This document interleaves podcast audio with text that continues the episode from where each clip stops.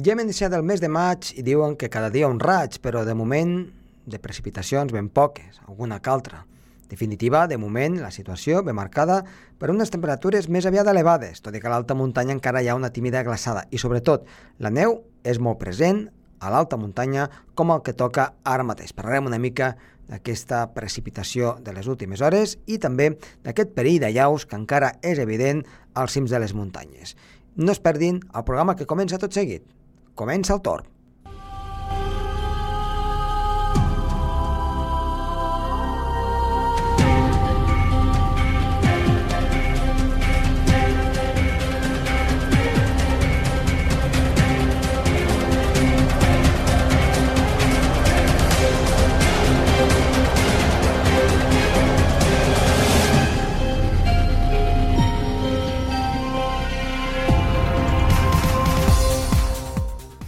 Com va? Molt bona tarda, moltes gràcies, com sempre, per seguir-nos un dijous més.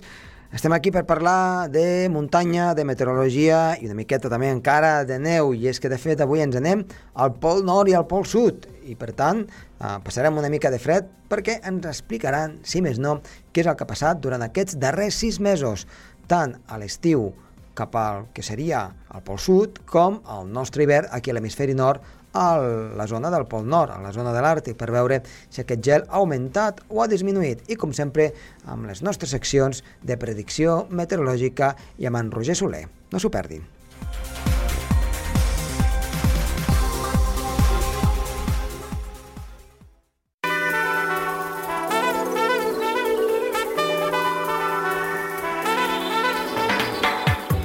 Connectem amb Roger Soler a l'altra banda del fil telefònic. Roger, molt bona tarda. Molt bona tarda, Josep. Doncs avui també tornem a tenir, malauradament, Mhm. força activitat, força informació internacional i actualitat que ens arriba d'arreu del món, eh? Sí, sí, eh, eh, en aquest cas eh, no massa bones notícies, que de fet Exacte, la no, natura... massa, no massa bones notícies perquè hem de parlar desllavissades catastròfiques a l'Afganistan i després també parlarem d'una dessecació del llac, d'un llac, que és un dels més importants del món, a l'Orient Mitjà. Per tant, tenim teca, si et sembla comencem per la catàstrofe una mica més molt important, per no dir extremadament important i catastròfica, valgui la redundància, a la zona de l'Afganistan, eh, Josep? Vinga, doncs comencem parlant de l'Afganistan. Te'n recordes que la setmana passada parlàvem de, de les inundacions Mhm. i els aiguats aquells que Sí. van provocar víctimes, evacuats i milers de desplaçats? Mhm. Doncs aquesta setmana les conseqüències són encara pitjors d'aquestes pluges torrencials. Almenys 2.500 persones han mort a causa de les esllavissades que han sepultat municipis sencers a la regió de Badastan, al nord-oest del país. La catàstrofe s'ha produït en una zona remota, muntanyosa, rocosa i aïllada d'aquesta zona nord-oest. Per tant, és una zona també de difícil accés. El governador i les autoritats diuen que és molt complicat dur a terme les tasques de rescat a causa dels recursos precaris d'aquest país en vies de desenvolupament i també de la gran magnitud del material esllavissat fins a pensa que fins a 50 metres de fang, lodo i pedres estan a sobre de cases i municipis i pobles sencers, Josep. Per tant, les tasques de rescat encara continuen a hores d'ara, tot i que això va succeir entre diumenge i dilluns, porten quatre dies i encara estan treballant i treballant a veure si poden rescatar algun vida, però les possibilitats es redueixen cada dia que passa d'una manera més evident. Eh? Les autoritats xifren en més de 3.000 víctimes mortals, tot i que la quantitat exacta, òbviament, encara no es pot determinar, perquè, com apuntava abans Josep, hi ha encara centenars de desenes de persones atrapades sota aquests 30 a 50 metres de fang i pedres en aquesta zona. Eh? Les necessitats més urgents són aigua, medicaments, menjar i refugis d'emergència segons la ONU, les Nacions Unides. Per tant, situació molt complicada, extremadament complicada i difícil la que estan vivint en aquesta zona, en aquest país molt subdesenvolupat, que ja ha patit la guerra, que ha patit també inundacions, que la setmana passada varen parlar d'aquestes inundacions, també ha patit terratrèmols, i ara, malauradament, aquestes eslavissades, una de les més importants, sens, sens dubte, dels últims anys.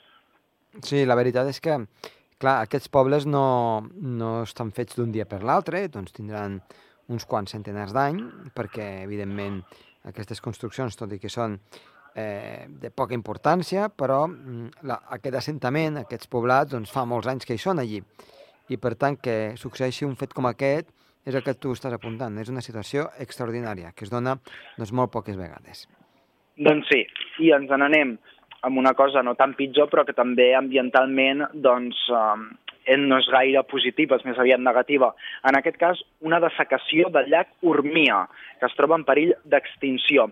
És el llac més gran d'Orient Mitjà i el tercer més gran d'aigua salada del món. Què ha passat?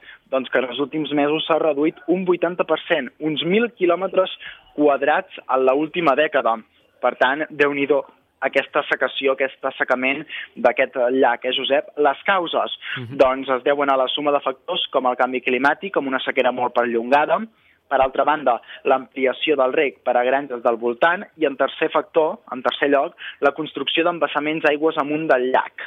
L'evaporació de l'aigua, més, Josep, ha provocat un augment de la salinitat, la qual cosa ha reduït la quantitat de peixos i gairebé ha deixat de ser un hàbitat per les aus migratòries. I què, què ha fet l'ONU, què han fet alguns científics del Japó? Doncs han indagat, han iniciat un projecte patrocinat justament per la ONU que preveu augmentar la quantitat d'aigua en aquell llac per a veure si es pot millorar mm. i si aquesta dessecació, doncs, ficar-li una mica de problema o de solució, eh? Doncs a veure, a veure si es pot solucionar, perquè, com tu bé dius, també és un hàbitat per aus migratòries i, evidentment, doncs, ajuda que la gent de la zona doncs, pugui sobreviure gràcies a l'aportació d'aquestes aigües. Roger, doncs moltes gràcies i t'esperem la setmana vinent. Molt bé, fins aleshores, adeu.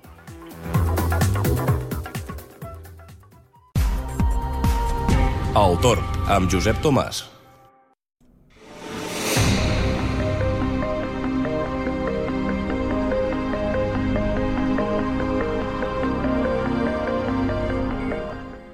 Avui en l'entrevista del programa Tor mm, ens en anem cap al Pol Nord i també una miqueta cap al Pol Sud. Ho fem cada dues vegades a l'any, aproximadament, i per això doncs, eh, connectem eh, amb el nostre especialista, que el tenim en aquest cas a Renteria, Miquel Cea. Miquel, buenas tardes.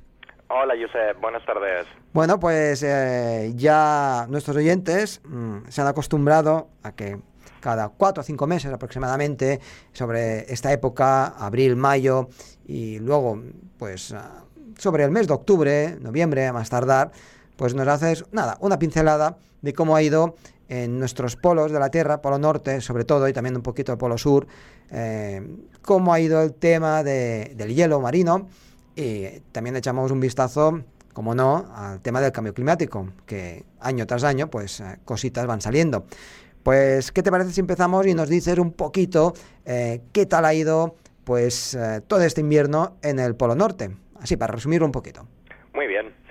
Pues, bueno, en conjunto, mm, en cuanto al invierno en el Polo Norte, habría que destacar así en principio que, que ha sido un invierno bastante templado.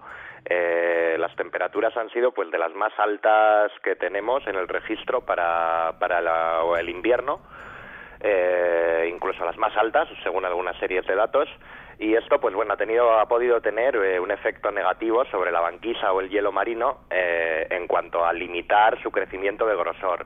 Es decir el hielo marino que tengamos ahora podría ser algo más fino de lo que era otros años debido a estas temperaturas que han sido algo más altas dando menos oportunidad de crecimiento al hielo. Eh, no obstante habría que decir que esto se aplica sobre todo al hielo de primer año es decir, al hielo que se acaba de formar durante este invierno y que pues típicamente alcanza un espesor de entre metro cincuenta o dos metros al final del invierno. Eh, en cuanto a factor positivo, por otro lado, como apuntábamos hace unos meses después del último verano, ya vimos que el mínimo de 2013 había sido, pues, bastante, comparado con los años anteriores, bastante elevado, eh, lo que había permitido, pues, una mayor supervivencia de hielo multianual en el Ártico. Durante este invierno, al menos, eh, la expulsión de hielo multianual desde el Ártico hacia el Atlántico tampoco ha sido demasiado grande, por lo cual en este momento, a pesar de que el hielo de primer año pueda ser algo más fino, eh, tenemos también la mayor cantidad y extensión de hielo multianual de los últimos años. El hielo multianual es eh, pues el más grueso, por sus características es más rígido, más resistente a la fractura y al deshielo que, el hielo de primer año. Entonces, básicamente del invierno yo sacaría esas dos conclusiones. Un poco un factor negativo, las temperaturas altas, eh, que han provocado que la banquisa, lo que es en el océano ártico, en las altas latitudes, es de primer año sea algo más fina de lo habitual, pero al mismo tiempo pues tenemos una cubierta de hielo multianual eh, más extensa y presumiblemente más gruesa que en años anteriores. Eh, mm, pero, claro, es que esto que estás diciendo contrasta un poco con todo lo que hemos visto en, el hemisferio norte, eh, sobre todo en Canadá y en Estados Unidos. Día, eh, mes tras mes, nevadas, temperaturas bajísimas.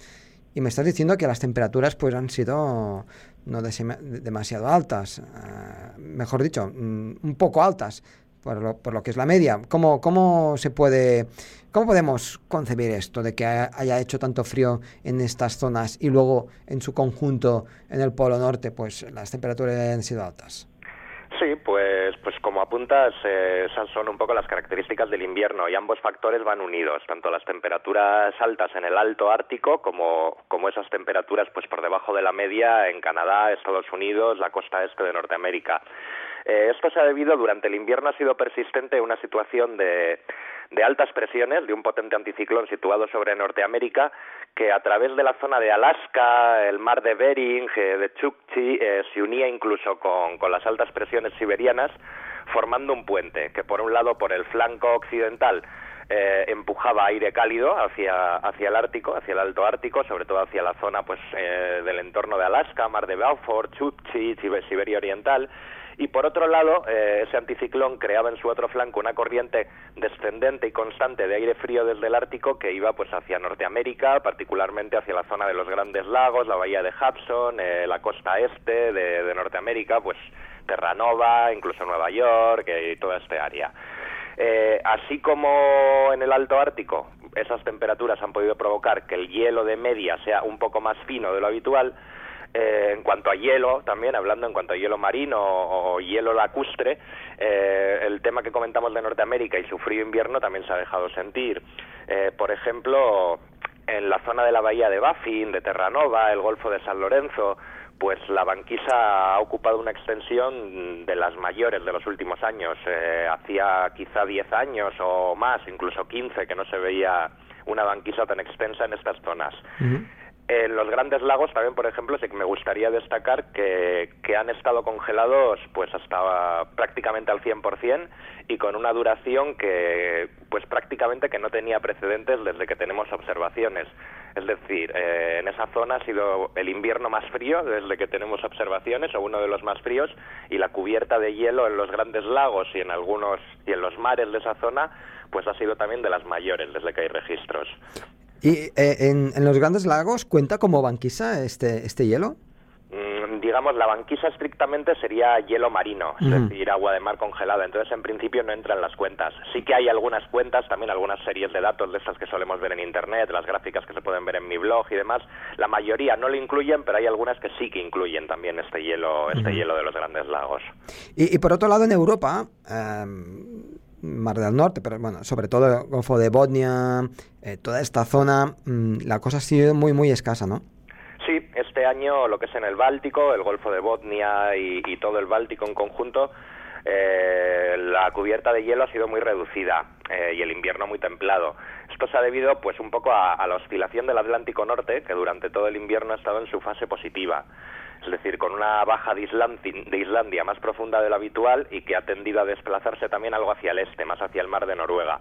Eh, esto ha provocado pues un flujo constante de vientos del suroeste hacia la zona de, Escandinavia, del Báltico y más al norte el mar de Barents y, esta sería la, causa de que en esa zona las temperaturas también hayan estado muy por encima de la media, eh, inhibiendo y evitando esa, formación de banquisa.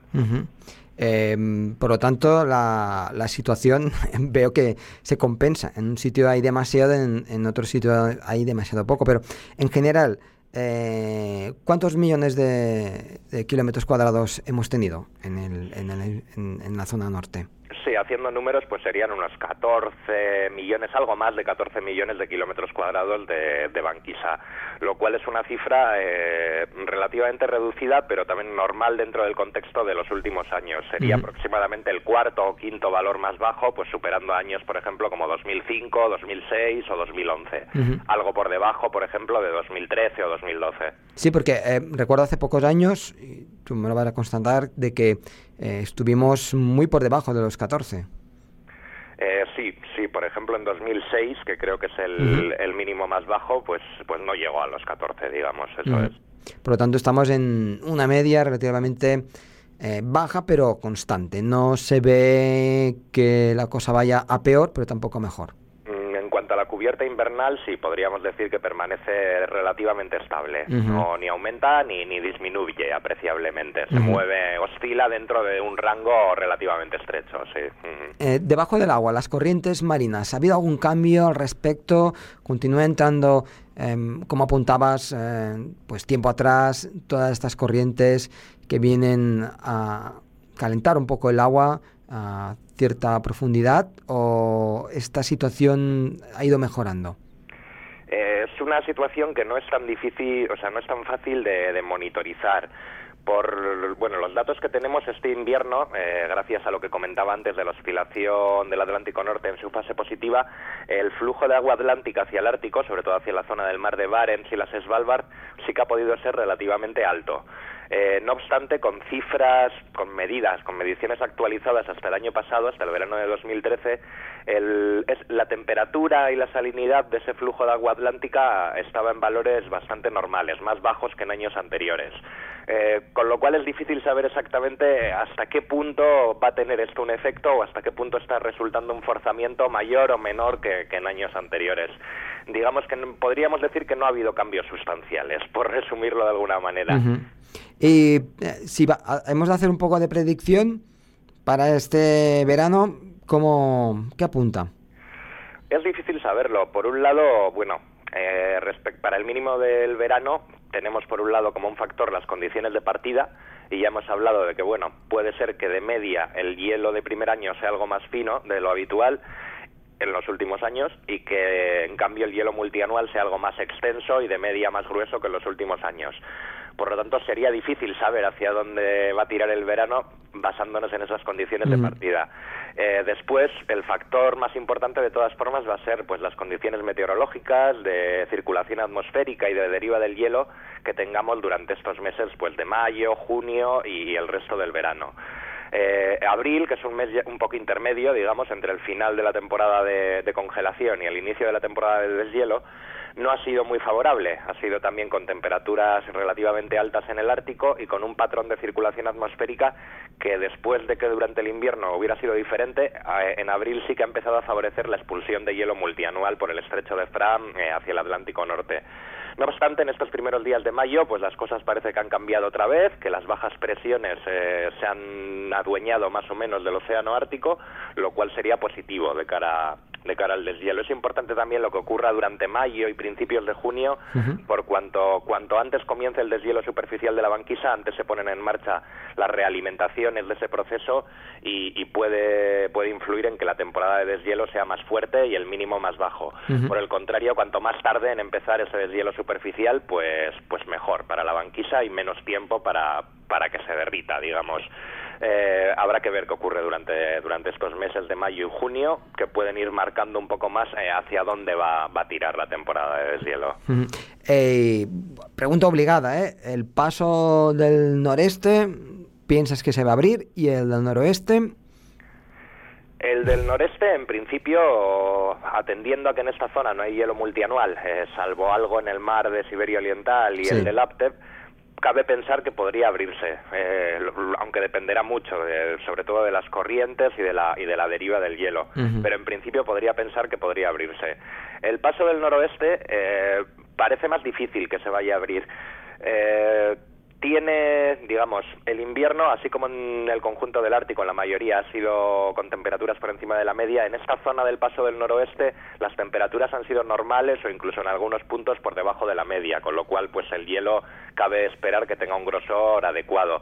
Además, después del año pasado, que, que el paso no, no se abrió, ha quedado también por ahí salpicado bastante hielo multianual que, también puede contribuir pues a dar mayor consistencia a esa cubierta helada que cubre esta zona del paso del noroeste.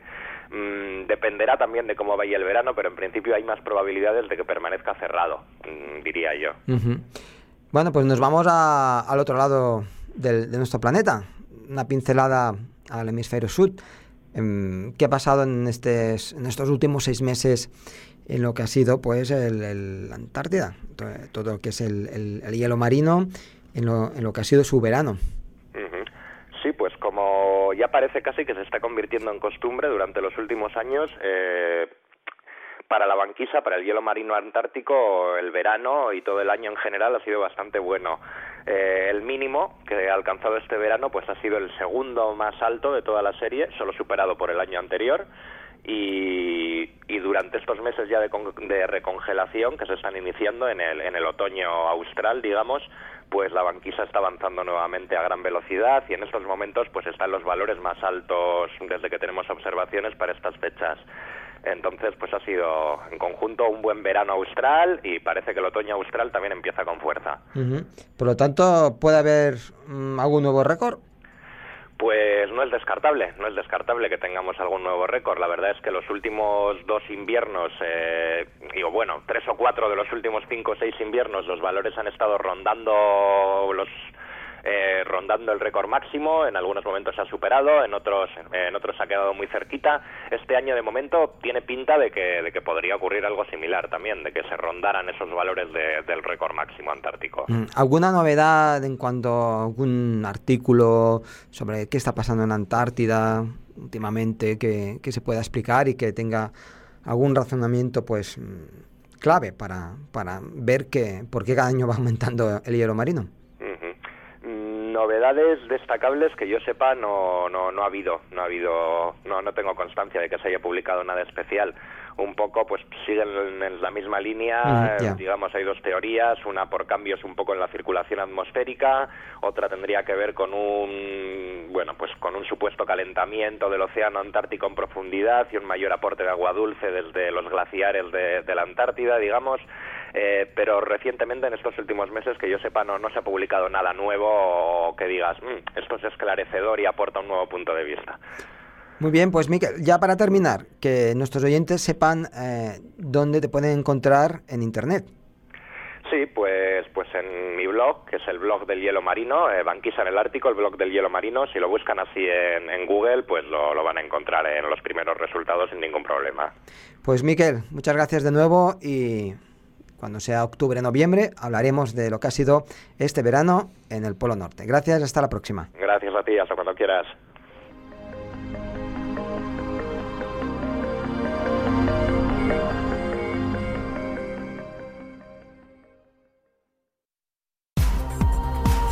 El torn amb Josep Tomàs.